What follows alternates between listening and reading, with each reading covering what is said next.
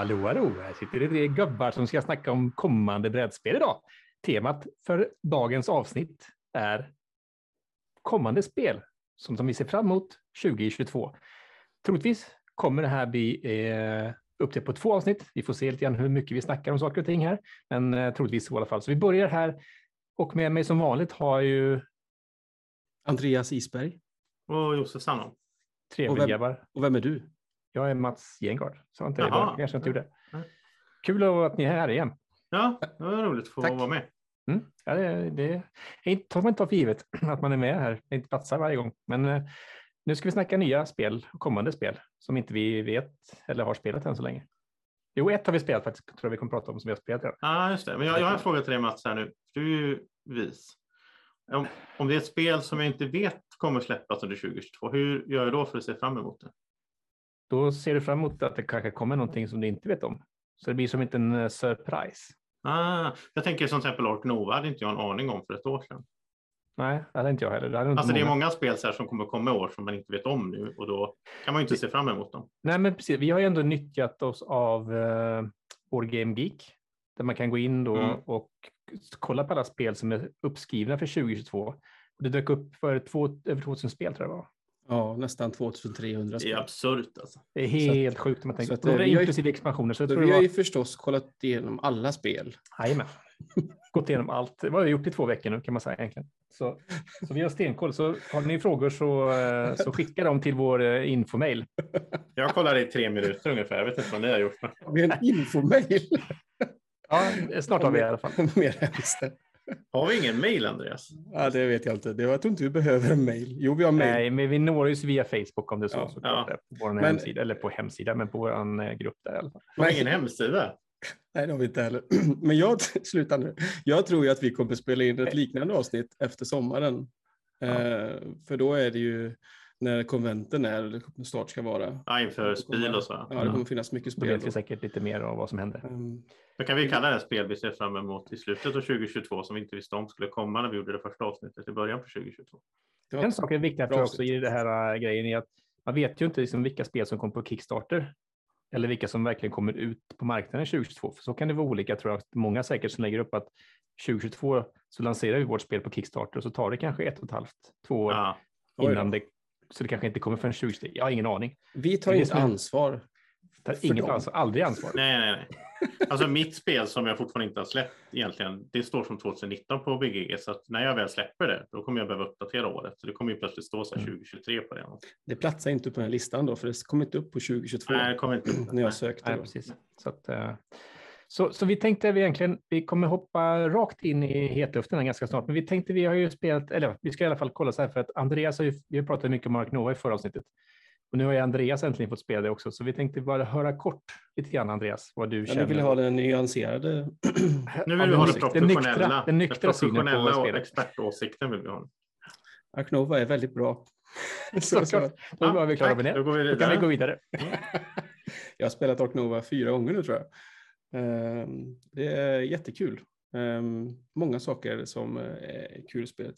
Jag, det har ju jämförts med Terraform Mars av konstiga anledningar. Lite grann så här. Många tycker att varför då och vissa tycker att det absolut inte stämmer. Jag tycker att jag får lite samma känsla. Spelen är ju inte särskilt lika varandra, alltså hur man spelar dem. Det finns massa kort här, det är väl det som är den stora leken. Men sen finns det andra saker som jag tycker känner igen, liksom när man, man tävlar om gemensamma mål, först till kvarn. Saken, liksom, själva interaktionen känns väldigt lik. Och jag gillar ju den, jag gillar interaktion till Mars och, och jag gillar ju det även här då. Ehm, Är är det en Terraforming Mars killer som vissa personer har sagt? jag tror jag tror inte att eh, kommer ha samma omspelsbarhetsvärde. Svårt Och ord. inte, samma försäljning, inte samma... Men jag tror, jag tror inte, alltså, an- an- anledningen till att säger detta är att jag, det kändes som jag tog väldigt, väldigt många spel av Terraform Mars innan jag började känna överhuvudtaget några mönster, liksom, att man börjar känna igen kort och så vidare. Efter fyra omgångar i Ark Nova så börjar man, jag, jag vet inte, det är kanske inte rättvist, men det, jag känner av att det är lite spelet böljar på, på ett sätt. Liksom, att man, I Mm. början spelet är det här bra och sen kanske det rör sig till något annat i slutet. Ehm, Jag håller med och det finns också en grej som är jag, jag upplever, alltså det är ju ganska liknande antal kort tror jag i båda spelen om vi pratar bas Terraform Mars. Eh, men i Terraform Mars är de mer unika. Alltså, det finns ju en väldigt så här, tydlig struktur i Orknova där typ det finns ju ett antal, det finns ju liksom en, en sponsorkort som är expert of typ Europe. Sen finns det en som är expert of Asia och så gör de lite Ja, olika grejer. Mm. Och det finns väldigt mycket sådana som är så här, det, det är olika kort är det. Men det är, det är mer som att det finns massa sets av olika typer av kort. Men i Terraform Mars upplever jag inte riktigt det. det. Det är klart det finns olika kort som typ att bygga en stad. Men nej, jag vet inte, jag tycker det känns mer asymmetriskt eller vad man ska säga. Och det tror jag gör att man känner igen sig. Man, man hittar strukturer snabbare tror jag i Orknova. Ja. Liksom. Och det behöver inte vara något negativt heller. Nej, det behöver det inte vara. Jag bara säger att jag tycker inte 3D-spel är helt likt Terraform Mars i feelingen. Men nu har jag ju kört mest solo. Så jag vet inte. Mm. Men eh, ja, jag vill spela det mer. Typ så. Det, Jag vill spela tycker- mer multiplayer framför allt. Alltså. Ja, Mm. jag har ju bara spelat multiplayer. då. Jag tycker det, det är ju väldigt kul. Ehm, så Det jag tycker också, nu har vi spelat det på tre. Har vi spelat det på. Jag har spelat på tre två gånger, vilket är roligt. Det har jag inte gjort sist ni pratade om det lite grann. Jag tycker att eh, nertiden, om man säger så, mellan turerna är inte så farlig kan jag tycka, liksom, i, den, i den känslan det är. För att man är så pass engagerad i vad man vill göra nästa gång själv. Så att, ja, redan jag, man blir nästan snarare så. Ibland så får man sitta och vänta lite grann, eh, så, men det är inte ofta som jag tycker att det är ett problem. För man har oftast någonting själv att tänka på, någonting själv att engagera sig i under tiden det är ens egen, när det andra gör saker och ting. Och sen är det kul också det här just med att man, eh, när man tryggar en, en rast då, eller break i spelet, liksom, att man sitter där, har, nej, men det borde inte bli någon break, jag borde hinna med det här innan. Men så breakar kommande två spelare och då blir jaha, här hann jag inte med det innan och så här. Så det känns som att man inte riktigt hinner vara optimera sitt drag där i, i den grejen och det tycker jag är kul. ja. Ja, men jag, jag ser fram emot att spela det här på två mer och på tre. Och jag, tyckte det, jag tycker det är kul solo, men jag tycker det är för tajt då, som jag pratade om senast. Så. Mm. Men jag, jag tänker, ska vi hoppa över till något helt nytt? ja, visst. Har du Som spelat nya nämnts- spel? Något Josef? som inte har nämnts i podden förut. Ja, det är bra. Jag har spelat The Siege of Runedal. Av Vi har faktiskt Rainer. nämnt det i potten, för jag tror vi hade det på eh, inför SM tror jag det var. Ja, det kanske vi hade. Ja, just. Så, Mats, du har ju sån koll. Du är ju arkivarien. här. jag är, jag är historikern. Ja. Nej, men så Siege of Runedal eh, är då det är jättekonstigt. Det är Rainer Knizia som har designat det. Eh, från, och det är från Ludo Nova, en spansk publisher.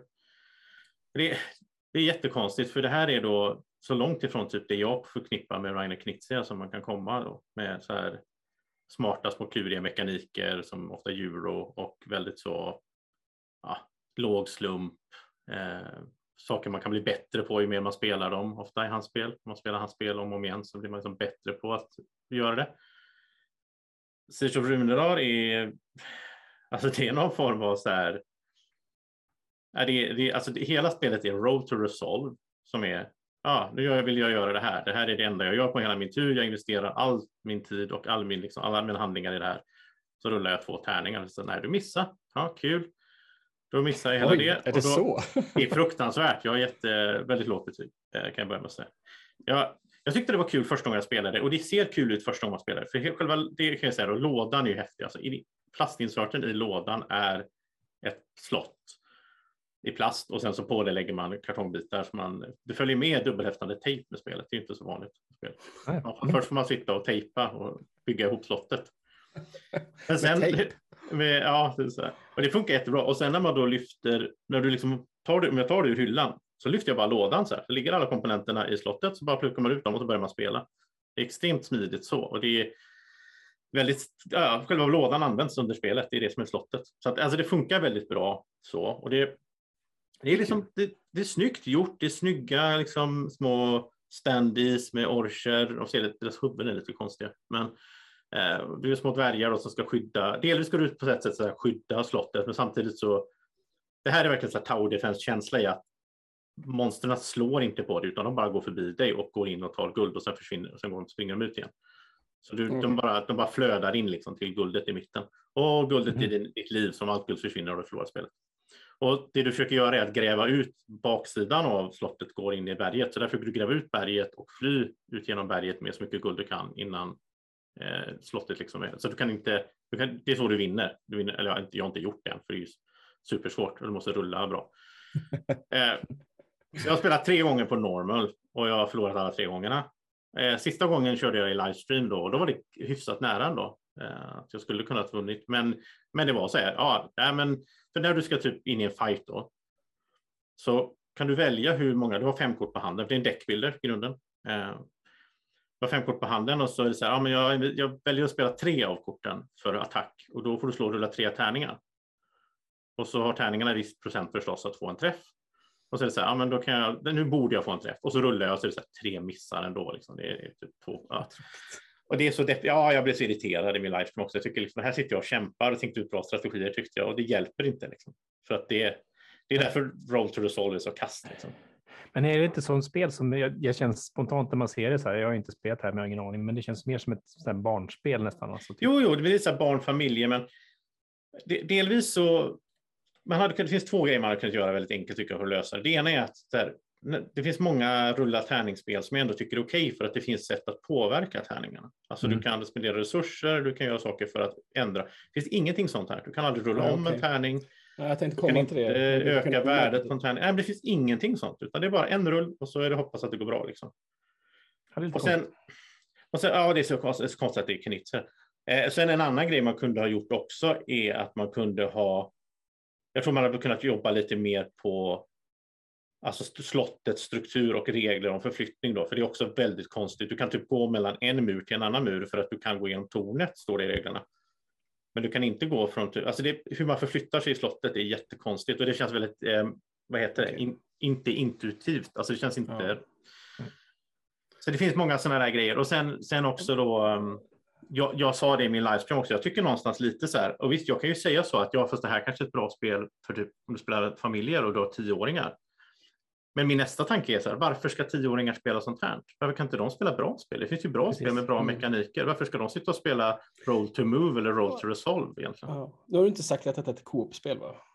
Det var, Nej, egentligen, det var egentligen det som, jag är, lite, jag är väldigt ledsen när jag lyssnar på det här då, för att det är ett spel som jag verkligen tänkte så här, åh kul att Knitz, ska göra ett co-op, ja, eh, co-op-spel liksom. När man ska ja. köra. Det kan ju vi, men det låter ju inte jätte... Ja, för när, jag, när jag spelat det första gången så tänkte jag så här, det här hade varit kul att köra mer liksom, med Emelie. Så mm. Det hade jag haft roligt med. Sen när jag spelat det tredje gången, då kände jag att nej, jag vill inte ta med det, för att man kan ha, man, det finns massa strategier och det finns massa liksom plan. Det, det, kan jag säga, det bästa med hela spelet det är deckbuilding-delen där du har alltid en 12-kortslek. Så du får aldrig fler kort fast när du köper kort, utan när du skaffar ett nytt kort så måste du slänga ett av de gamla. Okay. Okay. Mm. Så du förbättrar din lek hela tiden. Mm, det är kul.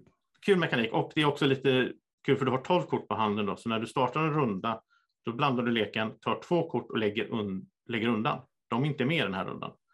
För att av de här 12 så är det två kort som är orcher som gör att det spanar nya fiender. Okay. Så har du tur så är ett eller två av de korten du lägger undan orcher, då kommer det inga orcher där undan.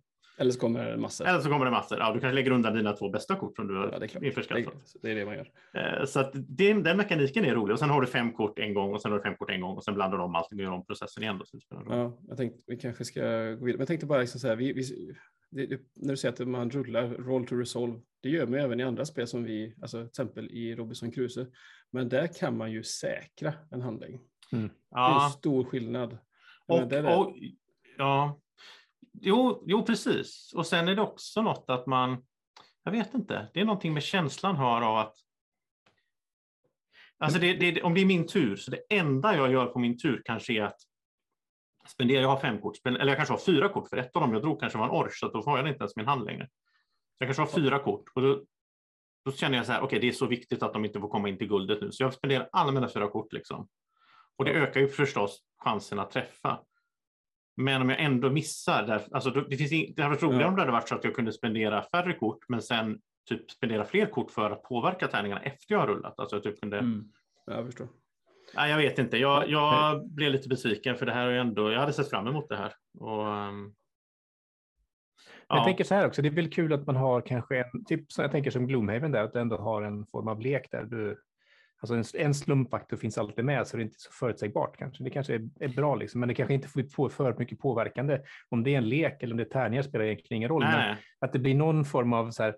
Okej, okay, du planerar rätt, men det blev en liten modifikation här, plus ja. eller minus. Det är väl bra liksom. Så. Jo, men och det, det var det jag skulle säga jämfört med Robinson Crusoe, att där kanske det är, du kan under en runda så kanske vi totalt liksom gör, inte vet jag, men vi gör så åtta olika grejer och en av dem failade för att vi rullade dåligt. Men vi byggde fortfarande de andra grejerna och så vidare. Mm. Och så vidare. Här är det mer som att du kan rulla dåligt och så that's it liksom. Det är hela rundan är. Då går Teoretiskt sett går det ju att misslyckas med allt i en runda också i Robinson Crusoe ifall man inte säkrar någonting. Jo, jo, det är, jag vet Det är inte ganska procenten här. Men, men på något sätt bara känslan av att Ja. så här, jag planerar och jag tycker att jag har en bra upplägg. För det är också så här, du köper ju in nya kort i leken, alltså du bygger på din lek. Mm. Och då kan jag bygga på ett kort som kanske det kortet kanske ger att jag får rulla tre tärningar bara med den. Men, men sen då när, sen gäller det att få korten i rätt ordning så är det ju med alla deckbuilders. Men här blir det ju så viktigt för jag kanske står på fel sida av slottet och så kommer de från andra sidan och så har jag inga liksom, sätt att förflytta mig till andra sidan på bra sätt. Jag vet inte, jag bara fick så dålig smak i munnen av min upplevelse. Ja, vi går vidare. Eh, det här Det låter- ju inte som någon, någon eh, Detta var The Siege of Runedar. Ja, just det. av den ärade Rainer Knizia i alla fall. Så att, men vi får se, han har väl rätt att... Göra fel. Ja. Eller? jag vet inte. Ja. Mats, har du spelat något kul? Ja, jag kan bara nämna kort i alla fall. Vi har vi har pratat om Grand Austria Hotel, så det behöver vi inte göra igen. Men jag har provat solovarianten nu första gången här. Och Är det bra? nej, ja, inte dåligt. Det är Hade en du- bra solomodell som funkar. Jag, jag vet inte liksom så sett, men jag tycker inte spelet är du roligare om man spelar på två eller fler. Nej, det ska jag inte göra. Det tror jag inte. Nej, den är så pass, det är så pass bra. Det finns två olika varianter i spelet med den här uh, Let's Walls-grejen. Eh, Så det jag tyckte var, var kul när jag testade den expansion, eller Let's Walls-expansionen tycker jag inte tillför någonting till spelet direkt, kan man väl också säga. Tycker jag i alla fall. Det är den stora expansionen. Det är den stora expansionen. fjol. Let's Walls. Eh, Sen finns det små moduler där, de som den här Celebrities, den är bra. Eh, Det finns ju mer än sån, bara en påse med gott i gott, gott fler kort och promos Mm. kan man säga egentligen så. Och så finns det där som eh, där varje hotell blir unikt. Alltså du lägger upp och så kör du en aktion på typ en hotellentré som gör att du får en unik egenskap under eh, spelet. Jättebra, kul. För det blir lite grann som man tänker sig, ja, Marco Polo, du får någonting som böjer reglerna lite grann, men som, det. och så här, det är jättebra. Men då Jättebra grejer. kanske vi kan ta med oss det, den till eh, nästa multiplayer. Det tycker jag vi gör. Det vore kul att testa på multiplayer och se. För då, nu när man är solo så då vänder man upp tre stycken och sen så väljer man den man vill ha. Det, just det blir kul att se det här med aktionen, liksom, hur den funkar eller hur det blir där. Ja, du gillar det. mm, det tycker jag. Ska jag, Mm. ska jag dra ett annat nytt spel då? Så vi Ja, kör på. Ja. Eh, Det här är ett litet spel då. Det var Grand Austria Hotel. Mm. Ja, som vi återkommer till varje avsnitt. Det är ett bra spel. Det är ett jättebra så Jag har spel. fortfarande inte spelat det, så jag tycker... Nej, det, är inte, det kan du inte klandra spelet för. nej, nej, nej, det är sant. Josef, har du Ja. spelat något roligt nytt spel? Jag har spelat ett roligt nytt spel som heter Caesar. Caesar Rome in 20 minutes. Eh, och det är Caesar med utropstecken efteråt. Och det är av samma designer, Paolo Mori och PC Games, som gjorde Blitzkrieg för ett år sedan ungefär. Eller kom, eh, som då var, Okej. så det här är då, och Blitzkrieg var då World War II in 20 minutes, så nu är det då Caesar Rome in 20 minutes. Är det bara nytt skinn på själva samma Nej det, är ett helt, nej, det är ett helt annat spel, men det är samma princip med att det är en bagbuilder typ och du har skärmar som du har pluppar bakom eller tokens och sen så kan du spela dem och så är det hemligt för motståndare. Det är ett tvåspelarspel. Man, den ena är Caesar och den andra är Pompeji och man försöker ta över kontroll över Rom. Och det här är då ett area control egentligen då med en karta över eh, Medelhavet och området runt. Och på din tur så tar du en av dina tokens som du har eh, som då kan vara så ett skepp, en, ett svärd, en sköld eller wildcard. Och så sätter du ut den någonstans på spelplanen. Och vad du försöker göra är att du försöker omringa olika områden och när du då ett område är fullt omringat, då utser man en vinnare av det området. Så att den då som har bidragit med mest styrka i de här plupparna man lagt ut runt det får området och får då sätta ut en, en av sina control markers Okej. och man får en bonus. Men alltså det är så här, den som avslutar området får bonusen i området. Den som har mest kraft, power i det, vinner området. Vin- ja, okej. Och det, det här är ett, egentligen ett rent abstrakt spel, det är bara så, men, men det är... ehm, Ja, jag har spelat det här solo också. Och det, det, jag menar, alltså jag har spelat det här solo, och, Tar det 20 minuter? ja, mindre än 20 minuter. De ljuger alltså. Uh, fast det på hur mycket man tjötar. Uh, nej men alltså i solo, jag har spelat det här flera gånger, jag lyckas inte vinna mot den här botten för det är så abstrakt tänkande. Det är så här, om jag gör så här, då kan botten göra så här, för man vet reglerna för botten. Det kan vara en viss följ, ordning den följer. Det här är David Turchi igen då, som är solomode. Okay. Um, och äh, det är så, jag tycker det är riktigt smart gjort. Alltså hur man, jag fattar inte hur man kan skapa sådana här spel. Uh, det är lite som, jag vet inte, schack eller någonting. Alltså det, det är så här, det är väldigt abstrakt i det här. Så, men om jag, om jag spelar mot dig Andreas så är det så här, det handlar ju mer om att jag väntar på att du ska göra ett misstag. Att, så, mm, så, okay. så länge vi båda spelar bra så kommer vi hålla balans mellan oss. Men om du gör ett misstag då kan jag pang, liksom utnyttja det. Eh, och det är inte alls min typ av spel. 20 minuter långt då. 20 minuter lång, ja. Det är inte alls min typ av jag spel egentligen. Jag, jag tyckte Blitzkrieg var roligare för mig, för där var det mer en tydlig så här, dragkamp. Man såg kuben flyttas över en mätare, vem som liksom leder så att säga. Ja. Här, är det lite mer, här gäller det mer att titta på kartan och inte missa något. Typ. Jag får den här känslan av att nej, missar jag. Om jag lägger ut här och så sitter min motspelare och bara, nu missar du där, då kan jag gå in där. Och så. Men om Andreas spelar så måste det vara uh, in 35 minutes eftersom det blir Andreas kvarten på det här också. Det blir det ja. Seas roam in 35 mm. minutes if you're playing mm. with Andreas Isberg. Mm. Så är det. Så det står ju också på baksidan En officiell variant. Ja. Nej, men jag tycker det här är riktigt bra eh, som spel. Sen är det inte riktigt min typ av spel. Eller jag, jag gillar det, men jag har väldigt svårt att bli, jag tror jag skulle ha svårt att bli bra på det. Alltså det, är en, det påminner en del om så här. Det är en tävlingsscen.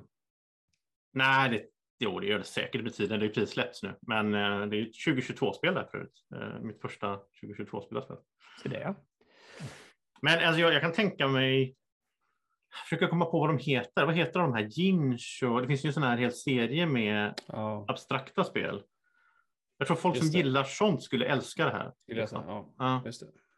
Uh, här är det typ att ah, det är en romare med ett svärd, fast alltså, det är bara en plupp så det kunde vara vad som helst. Ja. Ja. Jag kan rekommendera i alla fall. Mm -hmm. Caesar.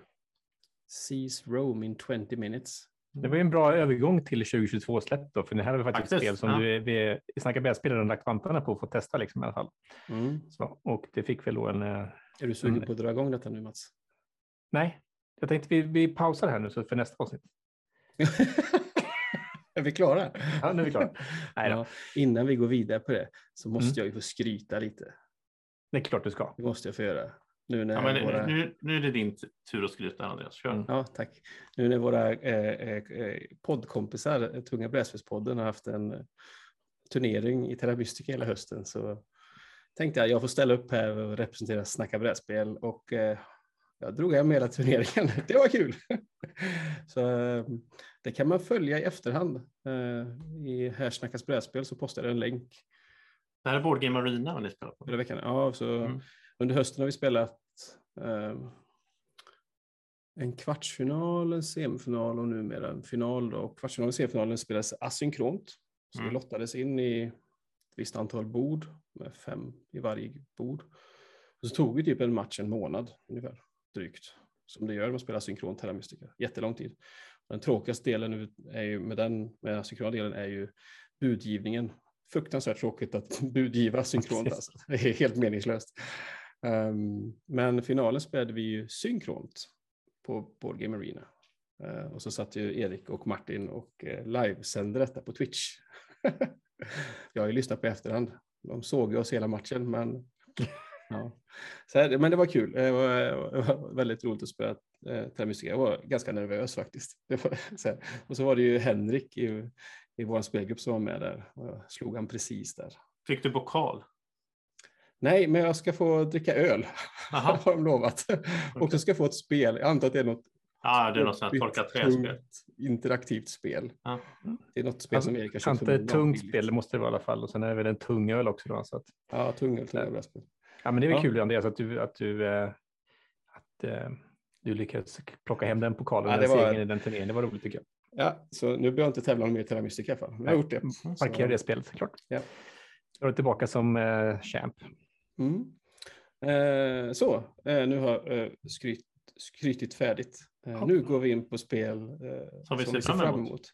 Mm. och bara säga så här, vi sa ju förra, eller nej, jag kommer inte ihåg, i alla fall, jag la ut och blänkade för, för ett tag sedan om att vi önskar att våra lyssnare skulle ge lite tips på på spel de ser fram emot. här snackas brädspel på Facebook. Ja, och även på vår Facebook-sida la ut samma mm. sak. Och vi har fått in en del tips. Mm. Så Tack så vår lista är ju enormt lång nu då. För vi har ju en del spel också förstås. Så vi tar detta i den takten det tar. Så Josef har, har timer här nu, så han kommer säga nu bryter vi sen. Och så, Ja, och så kör vi vi. vidare nästa, nästa gång. Alltså det, det är bättre det tycker vi än att stressa Ja. på något sätt. Vem vill börja? Om vi tar ett spel. Svåra valet. Svåra valet, men då börjar jag om ingen säger någonting. Ja, men kör du. Eh, jag tog lite samma approach som jag gjorde till SN-listan. Jag tycker det är så himla svårt att hitta spel. Alltså, på det sättet. Så jag, tog en, jag kollade på mina, en, ett gäng av mina favoritdesigners. Så kollade jag så här, släpper de någonting i år? Och eh, en av mina favoritdesigners är ju Uwe Rosenberg då, förstås. Jag, äger ju väldigt många av hans spel. Och han kommer ju med ett par spel. Så jag tänkte jag ska nämna att han, det verkar komma en expansion till Caverna. Liksom, eh, den som heter Caverna Frantic Fiends. Fiends. Jag vet inte hur man uttalar det riktigt. Josef, du som... Jo, men det är nog så fint.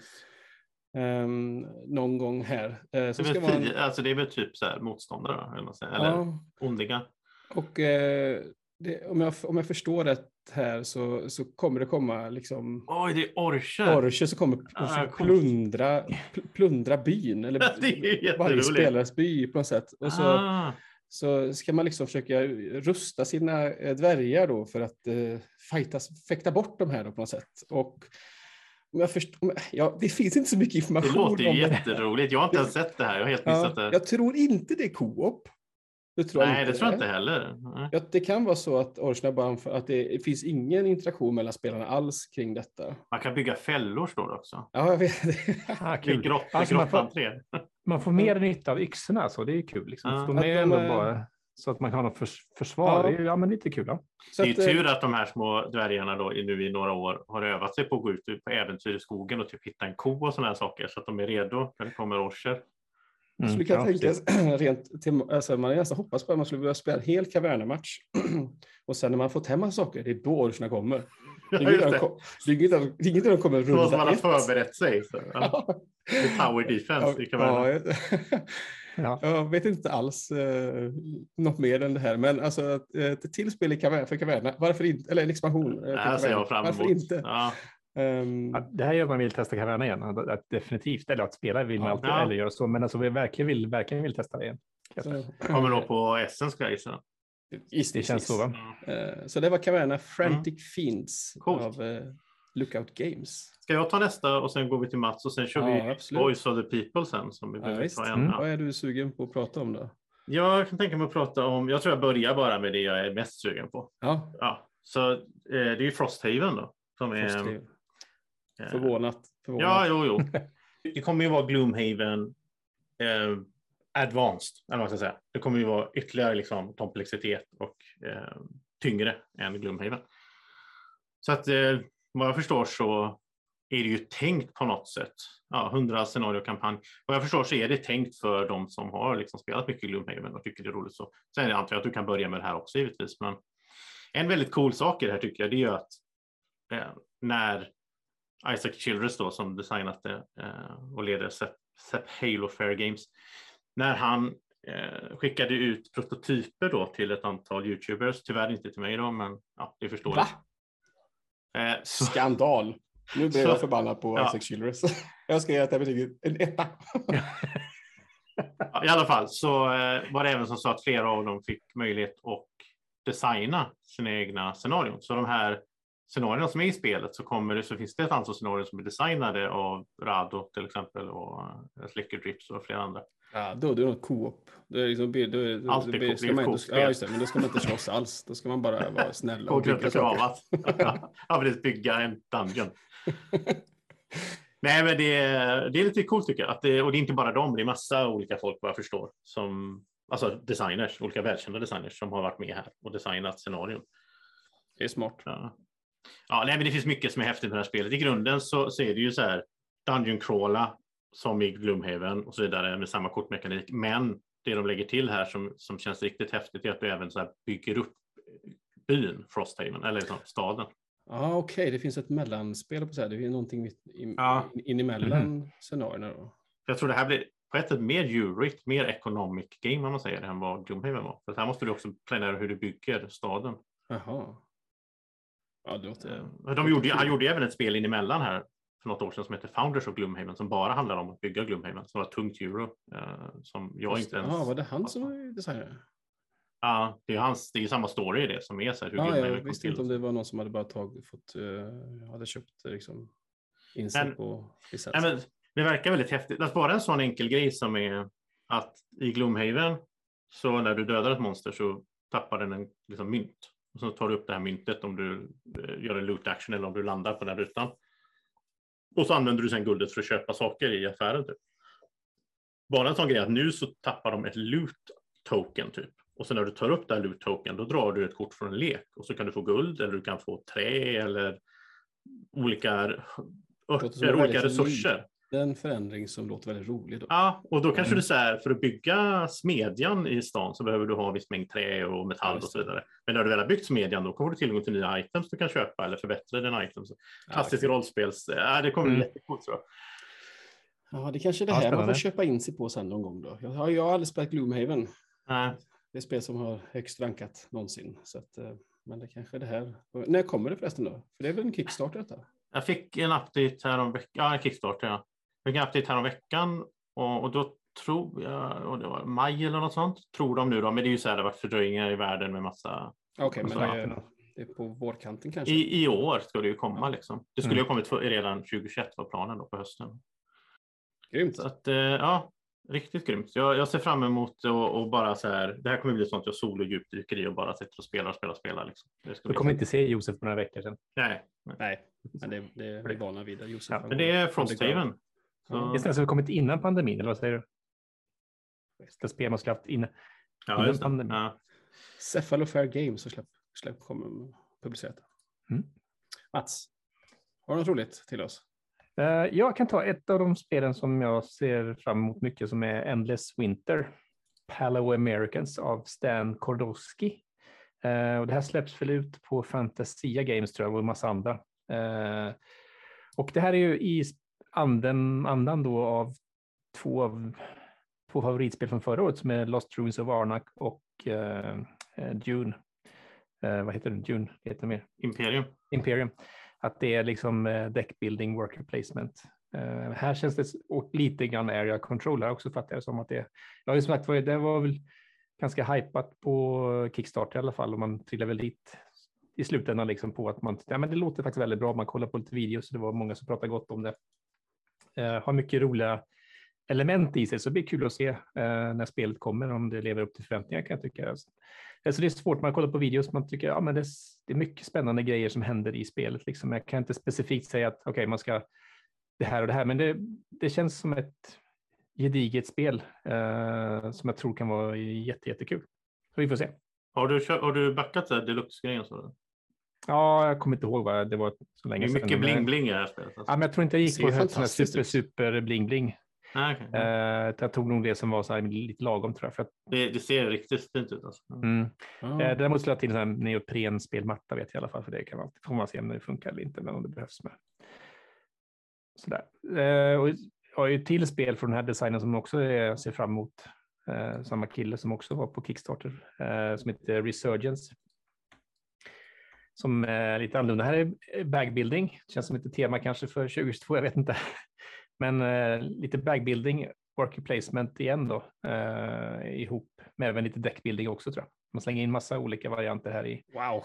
eh, i någon form av dystopiskt eh, Moskva efter en krig när man ska för, liksom försöka då, att, eh, bygga upp den starkaste klanen inom, inom stadens murar och så, så här, mot, samtidigt som du då jobbar emot de eh, zombies eller vad det nu är. Jag vet inte, det är någon form av negativt i alla fall som rör sig runt i staden och blockerar lite arbets eller ytor där man kan work placement eller ge motstånd och försämra eh, handlingar lite grann. Så att, eh, Det står också, Secret Unit Deployment. Ja, Som en så du- mekanism. du har en skärm och då drar du liksom ur, ur din bag så drar du ut några ja, x antal pluttar beroende på hur många ut. Och så lägger du ut de här då som är olika typer och så eh, placerar du dem på olika områden och det gör att du får agera i olika eh, snabbt i nästa runda. Då. Så du bygger själv din egen hur pass snabbt du får agera och vad du vill, vad du vill göra för någonting. Spel med skärmar är oftast eh, spännande. Liksom, Ja, man ha det- något eget så här. Är Jag tyckte den delen var det som drog mig in i spelet, för det var så här lite annorlunda med att du ändå Ja. har någon form av eh, däck, eller bagbuilding då, med att du ändå planerar din runda baserat på vad du drar, liksom, så du kan ändå lite grann som i Orleans så lägger du också styr upp, alltså lite grann samma typ av eh, att du använder dem då på ett bra sätt sen framöver. Ja. Ska Det vi är ganska på... Ja. Så samma design, har gjort två Men jag tänkte bara säga spel som jag, lanseras ungefär sam- kommer samtidigt. ja, jag hade ingen koll på det överhuvudtaget. Josef, hade du koll på de här? Liksom? Nej, Nej. jag trodde vi skulle ta ett spel hos Ja. många, men nu fuskar Mats. Ja, men det var för att det var samma design. Mats, det fanns en, han, en, han, eh, mycket bra. Alltså, Då kan jag vara det- tyst en kvart sen. Så. Mats pratade först om Endless Winter, Pa- Paleo Americans och sen Resurgence.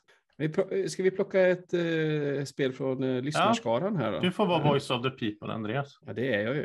Eh, Ja. jag, jag ska ta ett spel som eh, jag själv kollade in, som jag, in, som jag kikade på lite grann, mest på grund av designen. Eh, här kikade jag också på faktiskt väldigt, väldigt länge och var nära på att klicka hem det, men så tänkte jag. Ja, nej. Okej, så Mats har ännu bättre koll, vad roligt. Eh, Nej, så det jag inte, så att, eh, vi har fått tips om eh, Darwins Journey eh, som eh, designas av Simone Luciani och Nestore Mangone. Jag vet jag inte om jag känner igen riktigt lika väl. Eh, Simone Luciani känner man igen. Mm. Många av de här spelen som vi gillar. Mats älskar ju den här typen av spel. Har har man ju fått lära sig nu de senaste ett par åren. Här. Ja. Ehm, ja, vad, vad vet vi om det här då? Mats, du som kanske har lite bättre koll då. Vad, vad, vad, tror du Nej, det jag, har faktiskt spelet? inte, jag har faktiskt glömt bort det här, så om jag inte klickar hem det här så har man inte satt sig in så mycket i det. Men Ja, det är väl ett, ett uh, worker placement där man ska samla, man är, man är utforskare på något sätt i ja, Darwins fotspår antar jag på något sätt. Liksom, där ja man då man ska, väl kolla på, hans... vad är det på Galapagos? Är det va? Någonting sådär. Ja, Eh, Galapagos. Ja. Ja. Så att, ehm, jag får lite så här känsla av eh, Voice och Marco Polo där när man ska ut och... Kan du scrolla ner lite, Andreas? Då? Det är videosection där. Ja, videos. Ja. Ja, men jag tänkte precis säga, jag funderar på om jag har sett något av det här. Det har jag, för John Gist Games har ju gjort. Det här har jag sett eh, hans video på. Mm. Eh, det ser intressant ut. Nej, men det är så här, jag tror det som fick mig intresserad var att det var så, som det, lite grann, dels designers blir man så här, man har stort förtroende för Simone Luci- Luciani typ som designer. Eh, det som fick mig att inte göra det var någon typ att jag kände, nej men jag hade nog inte, vad fasen, hur många spel ska jag ha? Ja. Alltså det blir så här, snarare att det blev en overload på att köpa spel. Det är väl lite Eh. det känslan jag fick Mm. kanske när jag såg att de släppte spel. Det känns, när jag kollat grann på mekaniker och allt sånt där, det känns som att det här spelet, det, det känns som... Det känns som att man gjort samma sak många Ja, gånger. jättemånga nu igen. Men det här, jag vet John Gist Games jämförde det här med Newton, kommer jag ihåg. Eh, väldigt mycket. Mm. Och det, det påminner mycket om Jaha. Newton i att du, om du den bilden du hade upp alldeles nyss, Andreas, vi har ju inte Mm. lyssnarna, men, eller ser inte lyssnarna, de hör ju det. Men eh, du går så att säga på en sorts track för att ta dig fram, för att ta dig eh, i Darwins fotspår. Och sen det du gör här, säga, så Mm. det du gör under resans gång är olika handlingar. Alltså det är väldigt likt Newton i det. Att så där, ah, det är olika scrolls och olika förflyttningar. Och så när du för, ja, går över viss grej så får du viss bonus. Det är ju som alla de här spelen är. Men, men just känslan tyckte jag var väldigt Newton när jag såg. Och jag vet att han jämför också med Newton. Eh, Mm. Har den där lilla sån, har, de en, har, har den någonting speciellt som Newton? Newton har ju en väldigt speciell sak tycker jag, när man varje runda får man spara undan ett kort man använt. Och så Jag minns inte bättre. exakt detalj på mekaniken i det här, men, men jag kommer ihåg käns känslan av just det här. Jag, gillar ju temat liksom. Ja, det är inget Ja. dåligt betyg, för Newton eh, ty- uppskattar jag. Eh, Mm. Ett, det är ett spel som jag har, jag har i samlingen som jag spelar eh, en gång per halvår ungefär. En rund, eh, det är kul, liksom. Mm. Det är väldigt solitärt. Ja, Det gillar jag också när vi, när vi jag har spelat en gång bara, men jag tyckte det var väldigt trevligt och man, man gärna spelar då och då som sagt var. Mm. Jag tror det här känns lite grann samma sak, men jag tycker att eh, det blev så här. Ja, det är kul. Vi vet att en av våra lyssnare har det här nu. Ifall vi blir sugna på att testa det så kanske vi kan bjuda in oss själva Nice, framöver. nice, nice, nice. Eller så får den prova komma till oss. Precis. apropå UV då, eh, så det här är ju inte, ehm, det här är ju inte officiellt än nu då. Det finns nämligen inte på BGG än, men forumen indikerar att det här kommer ske nu. Att Mhm. Feast for Odins nya expansion kommer i år. Den skulle kommit till SN 2021, men det hände någonting där att eh, de som ska släppa det, jag vet inte vilket publicerat det är då, eh, fick skjuta på det på grund av att de hade väldigt mycket att göra. Eh, Men eh, det kommer komma expansion som heter A Feast for Odin, The Danes. Och även sett att kanske kommer heta The Danes and the Swedes. Det låter jag vara osagt om det stämmer Okej, helt. Eh, nu då. Eh, men det finns i alla fall, så jag har grävt lite grann nu på BG forum och så vidare. Och då finns det ju liksom trådar och så den senaste tråden, en ganska lång tråd som pratar om det här, men det är, det är, lite, det är lite kul. För att det är inte UV som utvecklar den här expansionen alls vad det verkar då, enligt den informationen jag förstår, utan det är, det är en person som heter Gernot Köpke. Och eh, han kallar inte detta, han, när han pratar om det här spelet, eller han skriver om det, så verkar det inte ens vara... Eh, dels så kommer det släppas som en expansion och som standalone, vad det verkar. Aha. Och han, men han kallar inte spel som en regelrätt expansion, utan han kallar det för en Gameolution, tror jag han skrev någonstans där. Hans mm. grej verkar vara att han tar ett spel som finns, som han tycker väldigt mycket om antagligen, och gör det ännu bättre. Så han kallar det för någonting när han, Game Evolution har han slått ihop på något sätt. Um, så det här ser jag fram alltså det jag har läst om det här är att uh, det ska vara Fist Rodin på steroider. Liksom, att Men ska... är, det, är det inte Fist Rodin då? Är det alltså en fanmade? Så att det är, kommer du Detta är ju Alltså det ja, men det ges det ut av, av liksom, förlaget? Alltså, eller? Ja, eh, om det är Foilan som kommer mm. ut tror jag. Ah, okay. eh, ah, ja, så det är inte liksom, liksom bara fan-made? Nej, nej, utan det här är liksom eh, det är killat och klart liksom. Okay. Det här är godkänt ah, från alla håll. Okay. Men, ah. men eh, i Foilan har väl jättemycket spel då, så det kommer mm. inte med i deras TSN nu med covid och allt sånt där. Så att, eh, okay. mm. um, men Foilan the Danes and the Swedes kanske, eventuellt, eh, kommer i år Eh, är lovat nu till 99,5. Ah. Han skrev, men han skrev dock att det var 99 till 125 procent säkert att det skulle kommit till SN 2021. Så undrar hur många procent han ska lova nu. 99 till 125. ja, det är spännande. Ja, men det här låter ju coolt. Jag, ja, men utan att veta någonting om det så låter det coolt. Det, det, det vet också, det kanske sagt på ett podd innan, men att eh, i poängmässigt får man för dubbelt så många poäng som i vanliga Fist Rodin och att det är mer engine buildings-aktigt i det. Är det här någon sorts rykten du har läst? Eller? För det jag har läst massa forumtrådar. Ja, för det finns ju ingen officiell post för spelet. Nej, för men man, alltså, gräv, gräver man, alltså, jag kan gräva i saker jag tycker är intressant. så, eh, det är klart man ska inte gräva efter danskar, det måste man göra. Ja, så, eh, någon gång i år är Feast Road and the Danes and the Swedes. Ja. Det blir kul. Mm. Låter spännande. Eh, min nästa här är ett spel som heter Dice Theme Park.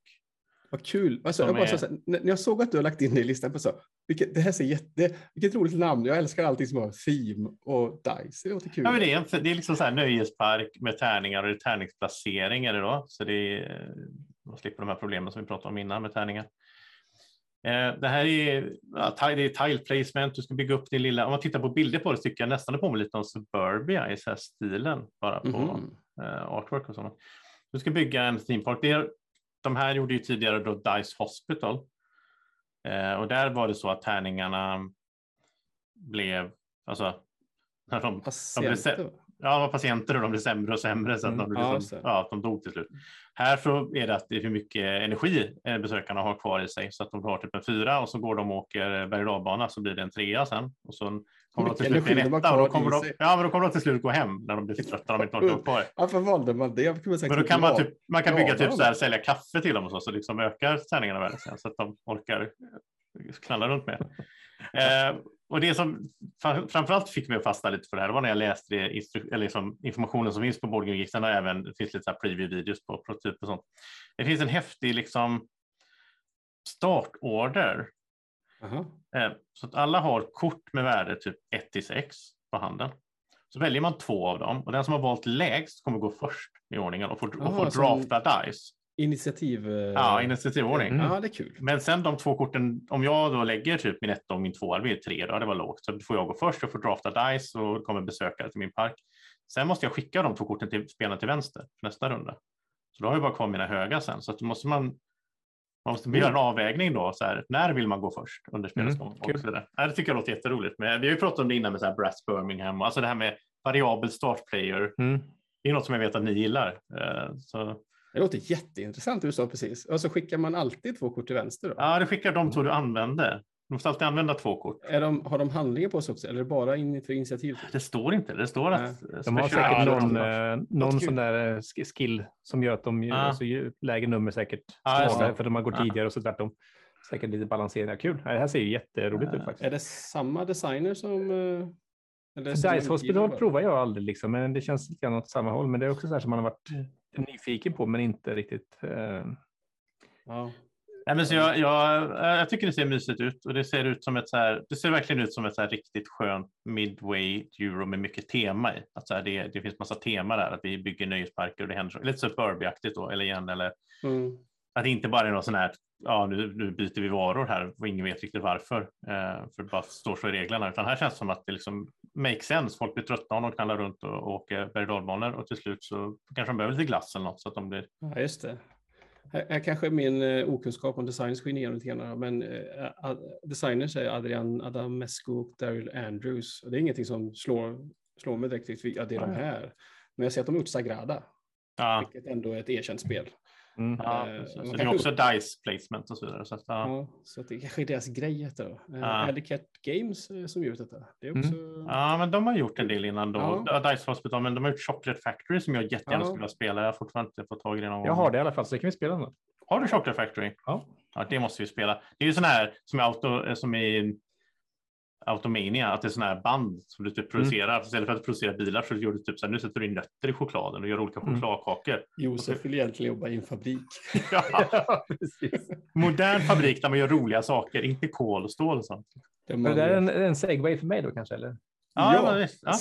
Apropå Automania och där så har jag, nu ska vi se, nu bara kommer Bot Factory är jag sugen på. ja, ja, det är jag med. Här Aldrig hört som, talas om. Nej, det här är ju Vita Lacerda eh, som har varit med och han gjorde ju tydligen det här för ett tag sedan också med ett annat spel där de tog en del av Gallerist till exempel och gjorde ett eget spel av. Och här har de tagit då vissa, eller många element ifrån Kanban, Kanban EV då, som är samma spel men olika, och gjort det då lite mer lättspelat, alltså sänkt komplexiteten kanske lite grann på det. Fortfarande är det säkert ganska tungt euro ändå, liksom, men mycket av det här som man känner igen mycket till Automania-grejen, roliga bygger robotar på något kul sätt som känns eh, spännande här, med mycket av det Ja, som ja. är Jag har förstått det som att det betydligt, att det inte är det här stora tunga som Lacerda brukar göra. Utan, Det står att det är 30 till 60 minuter, vilket Mm. låter, Mm. inte rimmar alls med Nej. Vitala Cerda överhuvudtaget. Mm. Men det är ju intressant. Om man, Men det är samma som det här, han gjorde Marcado någonting, det är ju någon marknad med Okej. restauranger och grejer. Det är också här typ som man tog från Gallerist, en del av det spelet tog han ut och gjorde ett eget spel. Och det är samma sak här, typ att man gör mm. någon form av element ur Kanban som blir ett eh, eget spel då.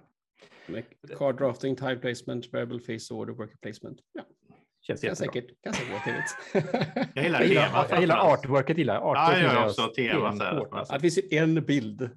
Det finns, det finns en cover art och så finns det en bild. Och Ja. bilden ser väldigt... Eh, eh, så, det ki- kittlar verkligen. Ja. Eagle det här- Griffin Games ger ut detta. Det är ju också... Ja, precis. Det blir väl säkert, eh, det här känns inte som någon Kickstarter, jag vet inte. Eh, Det här kan väl mycket väl så att de släpper det direkt, jag vet inte. Nej, jag vet inte. Eller Kan- Kanban var väl, Kanban EV var väl Kickstarter tror jag. Ja, och lika det här andra som man gjorde, då, det här Ja. förenklade, var också en, en, eh, Kickstarter, så det kanske kommer på Kickstarter också. Här. Mm. Det var Bot Factory i alla fall. Då. Ja, Ja. kul. Kul. Jag vet inte hur mycket du pratar om egentligen, men jag tycker det, bara, det slog mig. Det är kul att eh, de släpper fortfarande expansioner till, till Dominion. Eh, så det kommer ytterligare en expansion i Dominion-familjen. Undrar vilken, vilken, vilken det är i ordningen. Jag Ja, det, jag- vet jag inte riktigt. Eh, Så eh, nu kommer Dominion eh, Allies i år.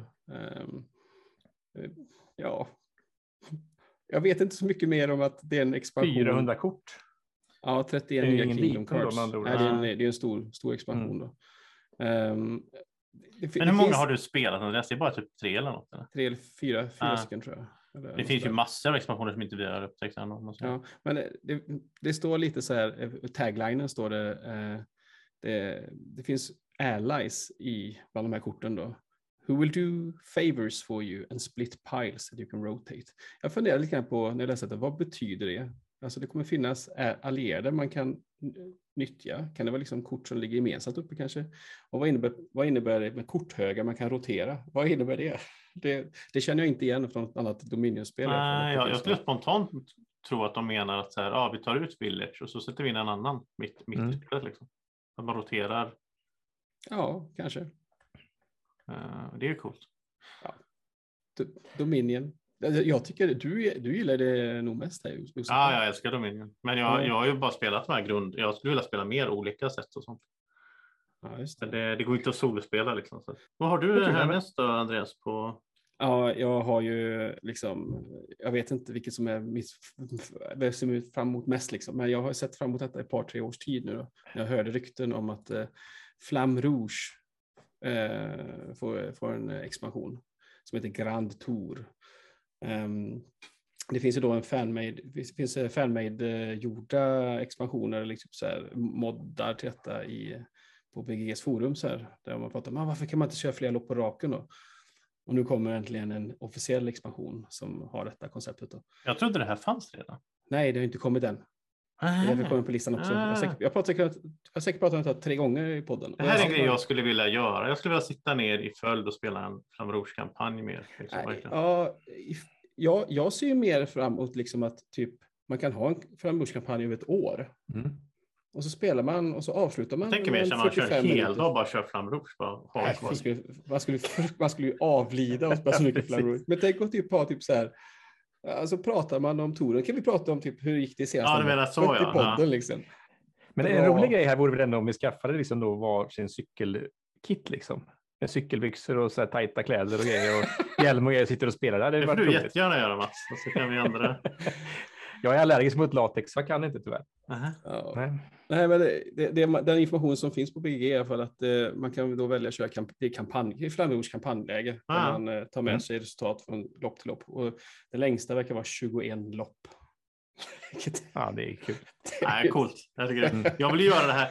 Jag, vi ska, jag tycker vi ska göra det här. Vi ska ju även köra Automobiles eh, kampanjläge och så tvinga med Mats. Det är jättebra spel Mats. Du måste bara upptäcka det. det är världens bästa vägbilder.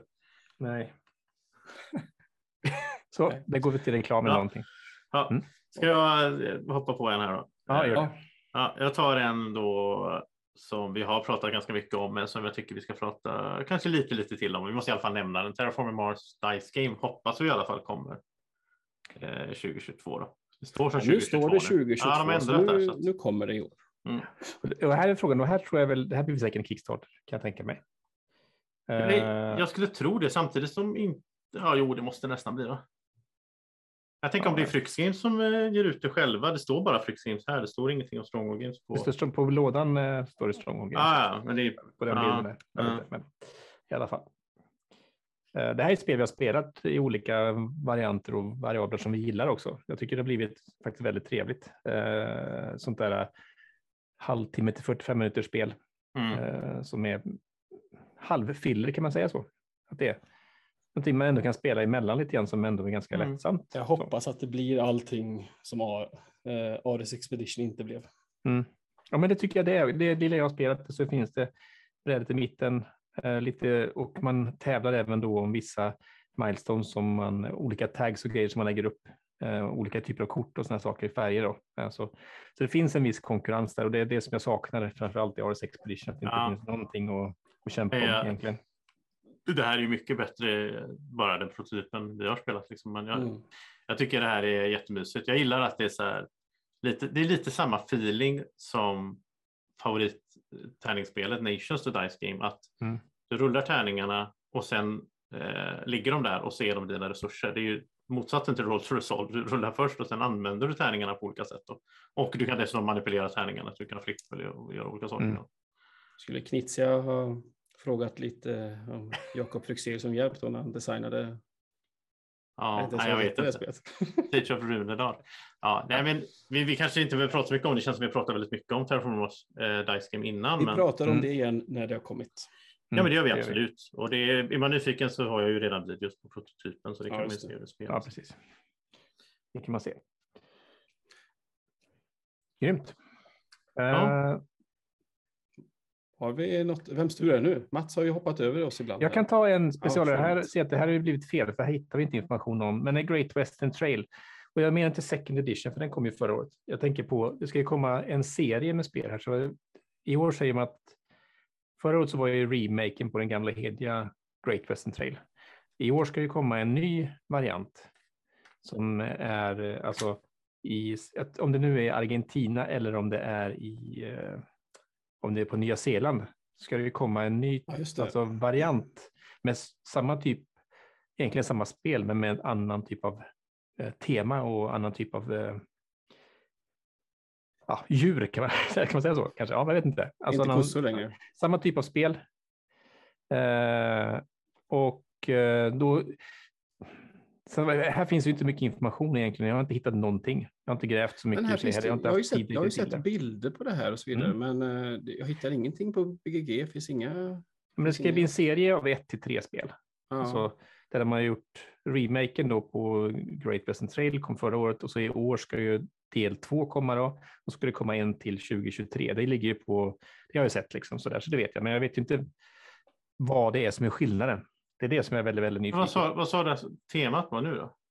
Eh, Antingen så är det ju, det skulle vara Argentina eller så är det Ah, Nya Zeeland. Så antingen så är det väl Ja. får eller eh, hästar kanske, jag vet inte. Ja, just det. Ja. Men alltså grundprincipen är samma, liksom att du flyttar, eller ja, Flyttar djur. flyttar djur och, och säljer, skepp, skeppar djur eller på att säga. Ah. På samma sätt som du gör i Great Western Trail, bara med ett annat tema. Ja, just det. Och sen har det blivit någon skillnad på hur kartan är uppbyggd, om det läggs till mekaniker eller tas bort, eller det har jag ingen aning om. Vet du, kommer det att heta Great Western Trail 2? Eller kommer det... Jag vet faktiskt inte. Jag har Nej. också dålig koll. Ja. Här kan ni gärna, om Ah, ni vet mer, så skriv gärna på i vår grupp då. Här snackas brädspel. Ja, någon Så insider. kan vi, mm, det vore jättekul om någon som vet lite mer, för jag är väldigt nyfiken. Det är ett av mina favoritspel. Så att, Ja, kan ju hända att Alexander Fister lyssnar. Att han skriver in. ja, precis. Han är bra på svenska har jag hört. han har i alla fall kommenterat dina videos, Mats, som du har gjort. Mm. Inte Han har gillat oss också med en bild på Facebook eller på Instagram också i Snacka brädspel. Här. Ja, Ja. det är stort. Så det är kul. Ja, jag är ju fanboy så jag har ju en t-shirt på med I like Alexander Fisters games. Han har ju ett släpp, kan vi bara snabbt nämna för att droppa. ett- Nu har jag jag fuskar mycket här märker Nu jag. fuskar du igen. Men Port Royal kommer med en sån big box i Ja. år. Det är väl... Och där var vi klara med Alexander Fister. Ja, nej, men vi har är ju nått, vi har ju nått en timme nu så vi kanske ska avrunda och så kommer ni få höra mer nästa avsnitt om... Herregud, det har redan gått en timme. Vi är över en, vi är över en timme redan. spel? Ja. Vi, får, vi får kurera listan till nästa vecka, det som finns kvar här. Ja. Eh, vi har ju bara eh, nämnt, smånämnt eh, lyssnarnas grejer. Eh, jag tror att jag har nog dragit mina största grejer. Kanske jag kanske drar mer, fokuserar, fokuserar kanske mer på lyssnarnas list- spel. Ja. Vi måste ju inte heller prata om alla spel som släpps. Alltså, Nej, Inte alla spel som vi släpps. kör ett, av- ett avsnitt till ska vi vara nöjda sen, tycker jag. 2300 spel. Det finns annat att prata om också här i världen. Ja. Ja, ja vad, vad bra. Men då, eh, då, då, då är vi nöjda. Tackar vi för den här gången. Det gör vi, så hörs vi snart igen och då fortsätter vi med samma tema. Då. Yes. Jättebra. Ha det bra till dess. Tack för att ni har lyssnat. Hej då! Stort tack för att du lyssnar på oss i Snacka brädspel. En podcast av Andreas Isberg, Josef Sandholm och Mats Jengard. Musiken du hör i bakgrunden är det Malin Isberg och Sofia Svärd som skapat. Hjälp oss gärna att nå ut till fler genom att berätta om vår podcast för en vän eller två. Och slutligen, vill du komma i kontakt med oss så hittar du oss på Facebook. Hej då!